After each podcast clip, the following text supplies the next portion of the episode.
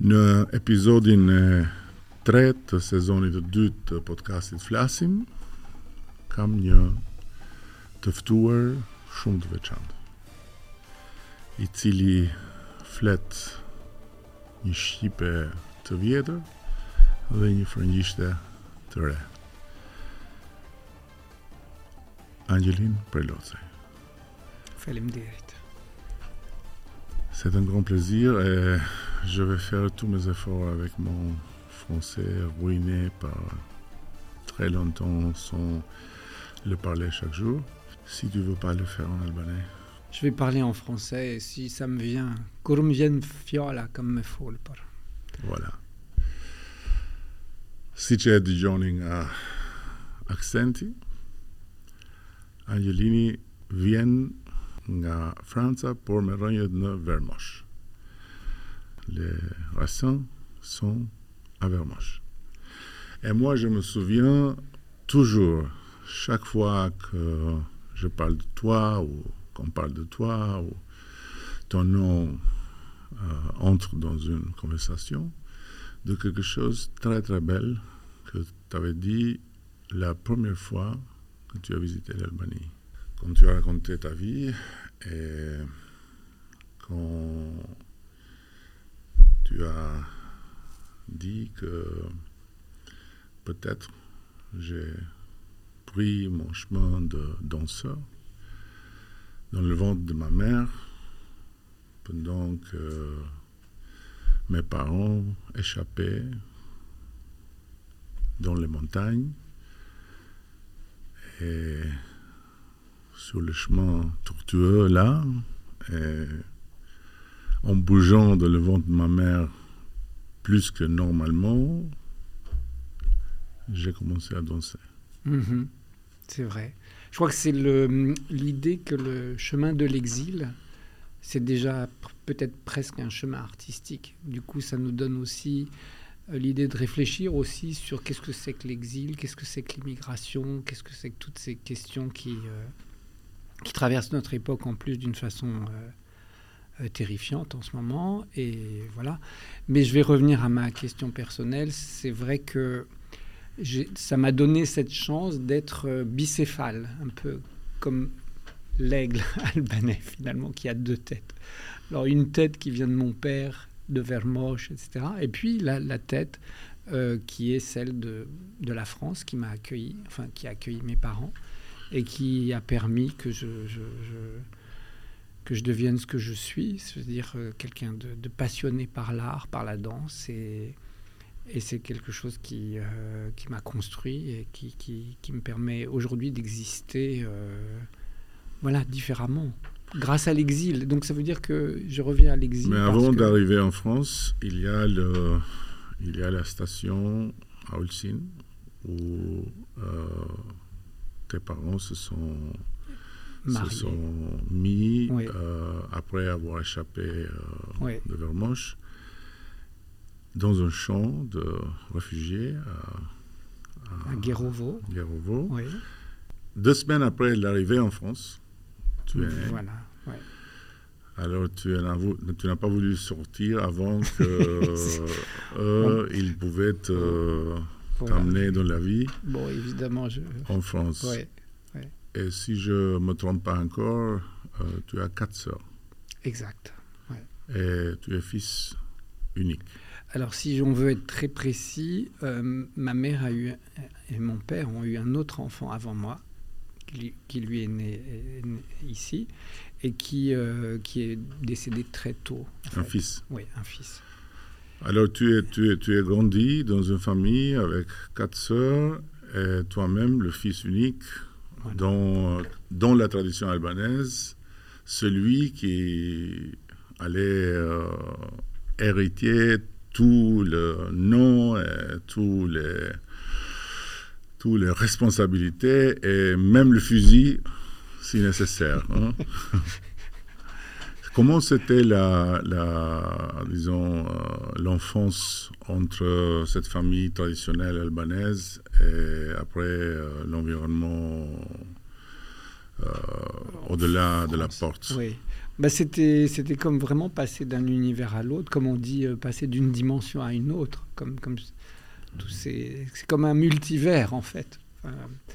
c'est-à-dire qu'il y avait l'univers à la maison avec euh, des, des, des, choses qui sont traditionnellement, liées à l'Albanie, et puis la découverte euh, à l'école d'un autre monde que euh, voilà, c'est la France, enfin tout ce qu'on connaît de la France, la culture de la France, euh, les Lumières, voilà tout ça, tout ce que l'école de la République essaye de donner à, ses enfants pour, pour les mettre dans, dans, une, dans une idée et un regard sur le monde différent. Donc c'est deux regards sur le monde différent qui se, qui se mélangent et qui se tressent comme une... voilà. Et à nouveau, voilà, cette histoire bicéphale, ça veut dire ces deux cultures qui se, qui se croisent, qui se nourrissent aussi, et qui apportent une singularité, qui apportent une hybridation euh, de, euh, de concepts, de, de, de goût, d'esthétique, etc. Et c'est ça qui est, qui, est, qui est, passionnant, en fait. Et pendant, pendant cette enfance, après la jeunesse, l'Albanie s'était présente à la maison, euh, mais l'Albanie n'était pas présente euh, dans, votre vie parce que c'était un pays fermé et inaccessible. Alors comment, comment tu vivais ça? C'était, c'était, il y avait la curiosité de connaître ce pays ou l'envie de voir ce pays ou c'était euh, comme quelque chose euh, qui n'appartenait pas à l'imaginaire euh, d'un enfant ou d'un jeune homme? Alors il y avait bon, ce que je pouvais découvrir à la maison, il y avait aussi parfois des gens qui échappaient d'Albanie et qui passaient chez mes parents quelques jours, une semaine, deux semaines, en attendant de trouver mieux. Donc il y avait, je voyais arriver des gens un peu bizarres, et c'était étrange parce que quand je parlais à mes camarades à l'école, euh, ils comprenaient pas. Ah bon, il y a des, des gens qui viennent de, de, loin, de l'Est, comme ça, qui passent chez toi. Et, et c'était un peu mystérieux, c'était un peu presque comme, comme une sorte de mythe euh, familial quoi, qui, qui, grandissait. Et puis euh, j'ai eu la chance aussi que ma mère avait sa famille à Ulcine. Et donc, euh, Ulcin, euh, c'est un, territoire qui est assez albanophone et mm. avec beaucoup de gens qui, traditionnellement, ont, une culture euh, albanaise. Alors, tous les étés, on allait en vacances, chaque fois que c'était possible en tout cas. Et là, je découvrais, évidemment, là, plus une population plus ouverte que la famille, c'est-à-dire le, le cercle s'ouvrait et je découvrais, voilà. Et, et ça, c'était aussi euh, très, très intéressant de, de, pouvoir faire ce voyage. Dans, les, dans les notes euh, qui, qui, se trouvent de quoi d'ici et de là, c'est écrit que ton premier clic euh, pour ouvrir la porte de la du monde de la danse, c'était euh, la couverture d'un magasin où tu as vu Nureyev. C'est une légende ou c'est la vérité? Non, c'est réel. Et d'ailleurs, ce qui est très paradoxal, c'est que la danse, c'est le mouvement. Hein. Et là, ce qui déclenche ma passion pour la danse, c'est un cliché. Donc ça veut dire c'est une, une image immobile, une image fixe. Et c'est quand même très, très euh, paradoxal en même temps. Mais alors, il y avait quoi? Il y avait sur cette image, il y avait Rudolf Nourieff qui était suspendu en l'air dans un seau. Donc, alors ça aussi, c'est étrange parce que c'est comme être suspendu comme ça, c'est comme voler en fait. Donc, et heureusement que c'était une photo parce que sinon il serait retombé si c'était pas une photo. Et donc, euh, peut-être c'est ça qui m'a donné ce goût, ce désir, parce qu'il y avait une telle lumière, une telle beauté chez cet homme en train d'exercer cette passion qui est la danse, que j'ai eu envie de, de, découvrir qu'est-ce qu'il y a derrière cette image, qu'est-ce qu'elle est là, voilà. Et donc j'ai rendu le livre à, la jeune fille qui m'avait prêté. Je lui ai dit où est-ce que tu fais de la danse? Et elle m'a invité à venir la rejoindre pour un cours de danse. Et si je si je suivis le, le trajet de la légende, alors tu allais euh, dans la, première session de la danse, euh, habillé avec ton costume de judo. oui. Alors c'est vrai que je faisais du judo.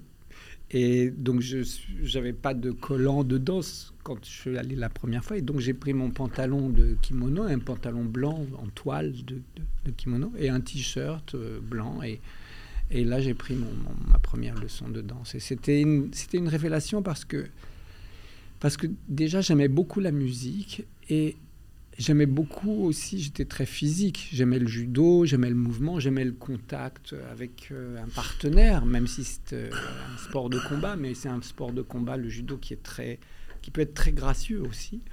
Et donc, euh, ces deux choses, c'est-à-dire le mouvement et la musique qui se retrouvaient au même endroit, pour moi, c'était très bouleversant. Et c'est une chose que je n'avais pas vraiment expérimentée avant. C'est très étrange. Qui est intéressant sans doute pour tous ceux qui nous suivent, c'est la réaction de ton père. Tu as parlé de la réaction de ta mère qui n'était pas très, disons... Favorable, pas très favorable. Mais, mais, pas très favorable, mais tu, tu dis même, euh, quand même pas très agressif. Non, Tandis que tu n'as rien dit sur la réaction de ton père. Alors lui, il, euh, il a un fils qu'il adore, euh, qui va faire le judo pour, pour être le combattant albanais. Et il se trouve avec un fils qui rentre et qui veut faire le ballerino. Si.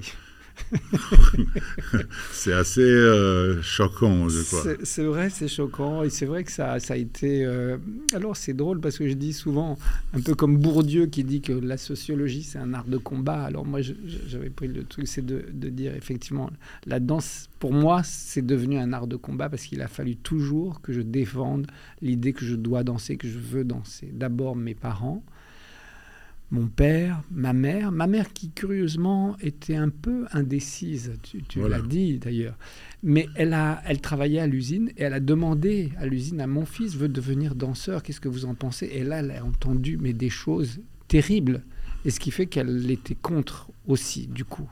Elle a basculé dans le camp de mon père. Et puis il y avait aussi les garçons et les filles de la cité où j'habitais qui était une cité de la banlieue, euh, parce que mes parents étaient pauvres, donc ils étaient plus pas dans un quartier résidentiel, mais vraiment dans une banlieue. Et là, évidemment, le hip-hop n'existait pas. Euh, cette danse urbaine qui est très, voilà, qui est plus virile, qui est plus euh, plus affirmée, plus, plus dans, dans, dans, dans une mode en fait aussi de, de l'époque. Donc ça, ça n'existait pas. Et donc l'idée de la danse, pour les gens de, ces quartiers, c'était vraiment euh, le gars qui est en collant et qui fait des trucs un peu bizarres. Alors, et donc, on se moquait de moi. Donc, il fallait que je me batte et que je m'affirme. je trouve que l'adversité, parfois, permet de renforcer un désir. Peut-être si tout le monde avait été d'accord avec mon idée de faire de la danse, peut-être je serais passé à autre chose. Peut-être la peinture ou, je sais pas, la musique ou je ne sais quoi. Mais cette... cette euh, cette adversité contre la danse et contre moi, je l'ai pris comme un combat à mener. Et ce combat, ça m'a aussi euh, donné euh, une volonté et, ça a aiguisé peut-être une, euh, une, forme de résistance. Voilà. Mais peut-être c'est aussi, ça fait partie des raisons ça fait partie de l'énergie qui t'a poussé d'aller au-delà de, de danseurs qui servent dans une troupe euh, qui est sous un directeur, euh, sous un metteur en scène, pour devenir toi-même euh, le créateur de la danse et le général pour cette armée de combat, peut-être. Oui, peut-être. Après, c'est vrai aussi que quand on danse pour un chorégraphe, on défend une, vision du monde, on défend une option artistique, on défend des concepts. Et, moi, compte tenu de tout ce qu'on vient de se dire, euh, j'avais l'impression qu'il y, avait voilà, une altérité qui s'était créée en moi avec des univers différents, ma famille, euh, mon pays d'origine, puis la France, avec tout ce qu'elle a aussi de, euh, d'intéressant, de, de, passionnant à travers les artistes qui l'ont traversé. Et à un moment, je me suis dit peut-être qu'il y a quelque chose à faire avec cette hybridation, avec cette, euh, euh, cette mixité qu'il y a dans, dans, mon esprit aussi. Et donc, euh, j'ai eu envie, effectivement, de, de, de, faire un premier projet, voir est-ce que j'ai quelque chose à dire. Alors, c'était très, très angoissant en même temps, parce que c'est quelque chose peut-être que tu connais, c'est de, je sais pas, la première exposition, je sais pas, les premières œuvres qu'on crée en tant que peintre, qu'est-ce que, que ça crée. Mais chez moi, ça a créé une sorte de questionnement sur euh, la légitimité. Est-ce que je suis légitime d'attirer l'attention du monde, ou enfin d'un public ou de gens, et leur dire venez, asseyez-vous et regardez ce que je suis et ce que je veux vous montrer. Ça, c'est quand même très terrible. Il y a une sorte de quelque chose de très très prétentieux si, si on est très terre à terre, on dit ouais, lui, il est prétentieux, il croit que ça va intéresser tout le monde, ce qu'il pense, mais en fait, euh, voilà. Je crois que c'est dans tous les arts qu'on trouve cette question. Oui, bien sûr, sans doute. Euh, c'est un peu euh, l'émanation de, de, Dieu qui n'a rien à voir pour, euh, pour créer ton monde et pour que tout le monde soit intéressé à ton monde. Voilà, c'est ça. Il n'y a rien à faire. Et après, euh, il y a une vie qui commence entre euh, les plus grands théâtres du monde. Et en même temps, avec tout ce bagage, disons, de l'exil, de la banlieue. Et moi, je n'ai jamais eu l'occasion de le dire, mais quand j'ai vu la, première, euh, le premier spectacle, j'étais à Paris et j'avais jamais euh, entendu en fait jusqu'à là euh, ton nom. Et je suis dans un, je suis euh, dans la métro et je vois les, les grandes affiches. Angeline Prelozzi. Et je me dis, mais. C'est bizarre ce nom. ça, ça ça a l'air d'avoir quelque chose avec moi et avec euh, l'Albanie. Après, je commence à m'intéresser. Je découvre un peu, je découvre un peu tout. Et euh, le spectacle, c'était euh, Châtelet, je crois. Et, moi, je, je, le trouvais assez, assez albanais dans le fond pas dans la, dans la, bien sûr, pas dans le script, pas dans mais dans le fond, il y avait quelque chose de, de, différent euh, vis-à-vis aux autres, euh, aux autres grands chorégraphes et grands spectacles. Quelque chose de très, très euh, authentique. Qui, qui, qui n'était pas évident, mais qui, à moi, me donnait cette sorte de d'écho intérieur. Euh, je ne sais pas si ça c'est juste de, le penser ou de le, sentir comme ça, ou peut-être c'était l'influence de la connaissance que moi je connaissais que c'était un Albanais avec cette histoire qui faisait ça. Mais tu penses qu'il a quelque chose de là qui, qui vient de plus, de plus profondément dans tes spectacles? Oui, moi, moi je, crois, je crois que oui, il y a quelque chose qui, est, qui nous échappe. Heureusement, parce que si, si en tant qu'artiste, tu le sais très bien, Edith, si quelque chose ne nous échappe pas, c'est qu'on est encore dans des choses très évidentes, évidentes dans, dans, une sorte de lieu commun, comme, au sens réel. Ça veut dire un lieu commun, ça veut dire c'est quelque chose qui est commun à tout le monde. Donc si, si quelque chose nous échappe, alors on échappe aussi un peu au lieu commun. Et je crois que pour un artiste, c'est vraiment important ça, de, de laisser échapper quelque chose qui, qui, est, qui, est, inconscient, en fait, qui est dans, au fond de nous, mais qui n'est pas raisonné.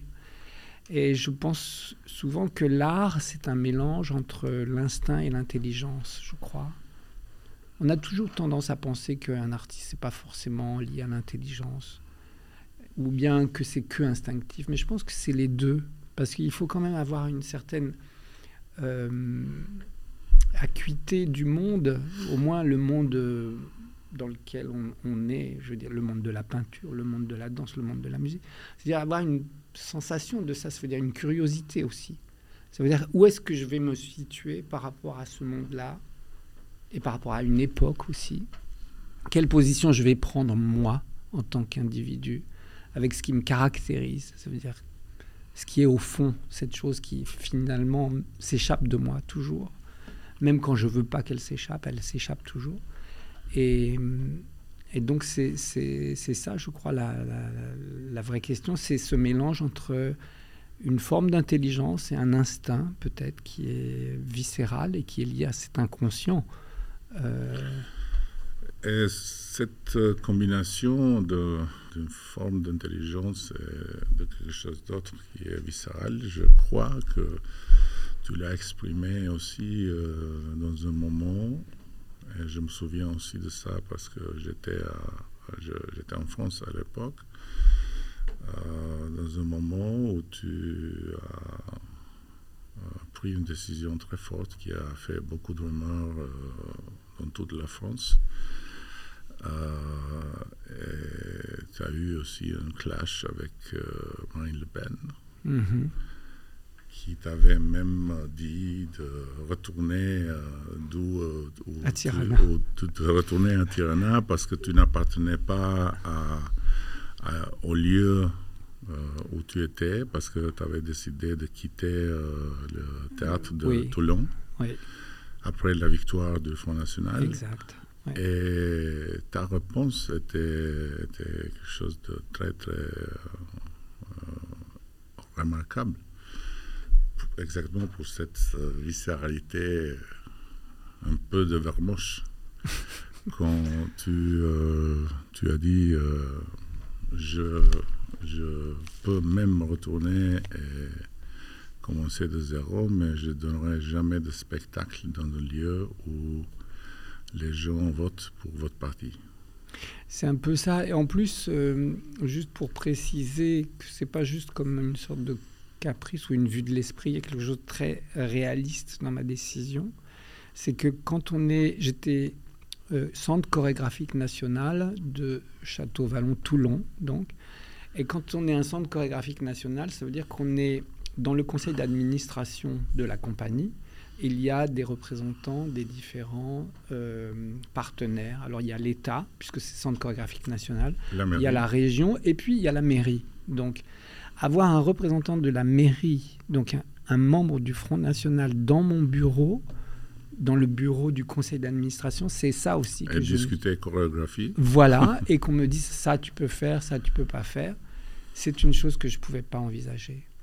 Je, peux parler avec des démocrates, avec, euh, avec des gens de droite, des gens de gauche, des gens d'extrême gauche éventuellement aussi, mais, mais euh, les gens du Front National, je ne pouvais pas. Donc j'ai décidé de quitter, de partir. Voilà, c'était... Et euh, on est dans les années 90, quand l'Albanie n'était plus fermée. Et c'était quand C'était dans quel moment que tu, tu te dis euh, ben, ce pays n'est plus fermé, alors je dois aller voir c'est où que mes parents sont, sont nés, c'est où que mes parents m'ont conçu. Oui, ça c'était euh, quand le pays s'est ouvert. Alors là, j'ai eu ce, désir. Et puis en même temps, qui s'est cumulé avec une invitation de, de venir. Et évidemment, j'ai tout de suite réagi positivement. Et, et c'était un moment assez remarquable, assez inouï, parce que j'en ai parlé à mes parents. J'ai dit voilà, je, suis invité à Tirana, euh, à danser à l'opéra de Tirana. Et je voudrais que vous veniez. Voilà. Et ils ont, ils ont accepté, ils sont venus. Et je les ai, ça a permis de les ramener à Vermoche, en fait.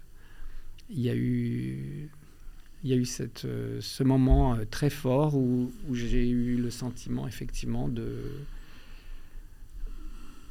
de faire un chemin inverse. C'est-à-dire que. La maison était toujours là? Euh, Je ne sais pas si la maison était là. Mais en tout cas, j'avais de la famille à Vermoche et donc on a rendu visite à, à mon oncle, des cousins, etc. Quand qui, je, qui, euh, qui vivaient là, oui. Qui, se rencontraient pour la première fois depuis toujours. Exactement. Et puis moi, j'ai vu des gens que je n'avais jamais vus, mais que je reconnaissais. C'est très très étrange comme sentiment de voir quelqu'un, de le... quand on reconnaît, ça veut dire qu'on connaît à nouveau. Mais là, je les ai jamais vus avant. Donc, comment je pouvais reconnaître quelqu'un que je n'avais jamais vu? Mais je sentais tous les liens, toutes les presque tous les atomes, tous les chromosomes qu'on a en commun quand je rencontrais la personne, c'était absolument bouleversant. Et après la, la première visite, tu, tu, es, tu es revenu plusieurs fois? Oui, alors à, plus, à plusieurs égards. D'abord parce que euh, il y, a, il y a eu cette demande de- de- du ballet de l'opéra de Tirana qui voulait que j'intégrais des, des, des, des- des ballets de, de ma composition. Et j'ai toujours donné gracieusement, sans, sans les vendre, sans voilà, euh, tous les ans quasiment des, ballets pour, euh, pour, euh, pour les, danseurs de l'opéra de Tirana, pour participer, pour essayer de rendre à ce pays ce qu'il ce qu'il m'avait donné et ce qui avait voilà et de renouer ce lien que j'ai au, fond de moi avec avec l'Albanie. Mon, sen- mon sentiment, c'est que tu n'as jamais euh, évité euh, de dire oui à une invitation ici. Ça veut dire tu as toujours le plaisir de, revenir quand il y a une euh, opportunité. C'est quoi, maintenant que la reconnexion s'est faite depuis longtemps, c'est quoi que tu, qui t'attire pour revenir? Qu'est-ce qui te plaît de, de, de l'Albanie dans le sens que tu dis, bon, je vais là parce que Parce j'aime que ça ou j'aime ça ou j'aime Parce ça. que c'est chez moi un peu quand même. C'est chez moi comme chez comme c'est c'est presque comme euh, une extension du, de- du sentiment familial en fait. C'est-à-dire que c'est chez moi comme c'était chez moi quand j'étais dans la banlieue parisienne et qu'il y avait quand même dans la banlieue parisienne un endroit qui était chez moi mais qui n'était pas la France directement mais qui était un peu l'Albanie quand même. Donc c'est cette chose-là, mais qui, qui, s'extend, qui, qui prend une autre dimension, c'est-à-dire c'est tout à coup c'est le pays qui est chez moi aussi. Et, et donc chaque fois que je reviens, c'est un peu comme si je reviens chez moi. C'est comme si je reviens vers l'enfance, c'est comme si je reviens vers ma famille, et ma famille aussi bien mes parents, mais aussi ma famille albanaise qui est euh, le peuple albanais. Et parlons de ta famille, euh, ta femme, et tes, filles. Euh, est-ce, qu'elles aussi sont, sont d'une façon ou d'une autre euh, connectées avec l'Albanie ou c'est moins, moins, plus tranquille? Bah d'abord il y a une hybridation puisque ma femme est française, donc euh, elles sont un peu comme moi aussi j'étais, c'est-à-dire qu'elles sont françaises, mais elles ont le sentiment profond de l'albanitude presque on pourrait dire. Et euh, c'est assez, euh, assez agréable quand même de voir que quelque chose se transmet. Même si j'ai pas réussi à transmettre la langue parce que je la maîtrise pas assez bien, mais j'ai transmis ce goût, ce désir et cette filiation parce que c'est quelque chose qui n'a jamais, m'a jamais quitté en fait. Même quand j'étais euh, petit, même quand j'ai commencé à faire de la danse, j'ai toujours dit je suis albanais. Euh, Mes parents sont albanais. J'ai jamais essayé de masquer. Voilà. Donc euh, c'est quelque chose que j'affirme facilement, que j'ai toujours affi- affirmé facilement et que j'ai transmis euh, à, à mes filles aussi. Et elles, ont, elles, sont, elles sont venues Oui, oui, oui. oui. et elles ont aimé Elles ont adoré. Elles ont adoré parce que c'est une sorte de mythologie qu'elles se sont qu'elles ont rajouté à ce qu'elles savaient à travers ce que je leur avais dit, mais il y a, elles ont visité les musées, euh, euh, c'était très très beau aussi de les voir découvrir euh, ça en fait, ce qui me constitue un peu inconsciemment. Et actuellement, tu es en train d'aider pour monter ensemble les pièces pour construire un événement important annuel en Albanie de danse. Oui, euh, on, est, on travaille euh, avec Tim Newman et, et Ayola Choche, qui, voilà, on, travaille à créer un événement autour de la danse contemporaine à Tirana. Alors je pense que c'est une chose que je sais faire et que je peux peut-être donner à l'Albanie. Je le fais bien sûr avec, avec des intérêts complets et, et, je participe euh, avec un grand plaisir aussi à, cet événement. Et chaque année, on aimerait pouvoir, euh, euh, je dirais, confirmer ce rendez-vous chaque année et inviter des grandes compagnies internationales et à la fois faire découvrir la danse aux Albanais et puis faire aussi découvrir l'Albanie à des, à, des, à des, danseurs et des compagnies qui viennent de l'extérieur, parce que je pense que c'est un pays qui mérite d'être évidemment découvert.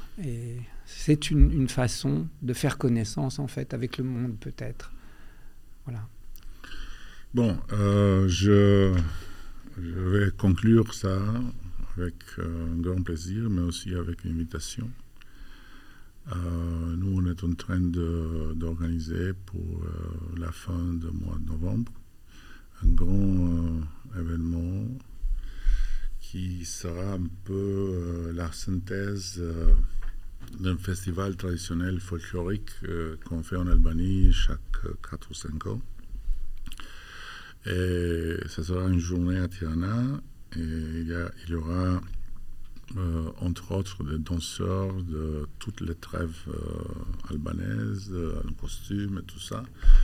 Alors je t'invite, si tu n'as pas mieux à faire dans ce jour-là, parce que ça sera une très belle euh, exposition en mouvement de tous les costumes et toutes les tendances euh, de, de, la danse populaire albanaise. Et peut-être ça va te, ça va te donner euh, un peu de plus pour ton musée de mémoire des fantômes, et des fantômes de l'Albanie.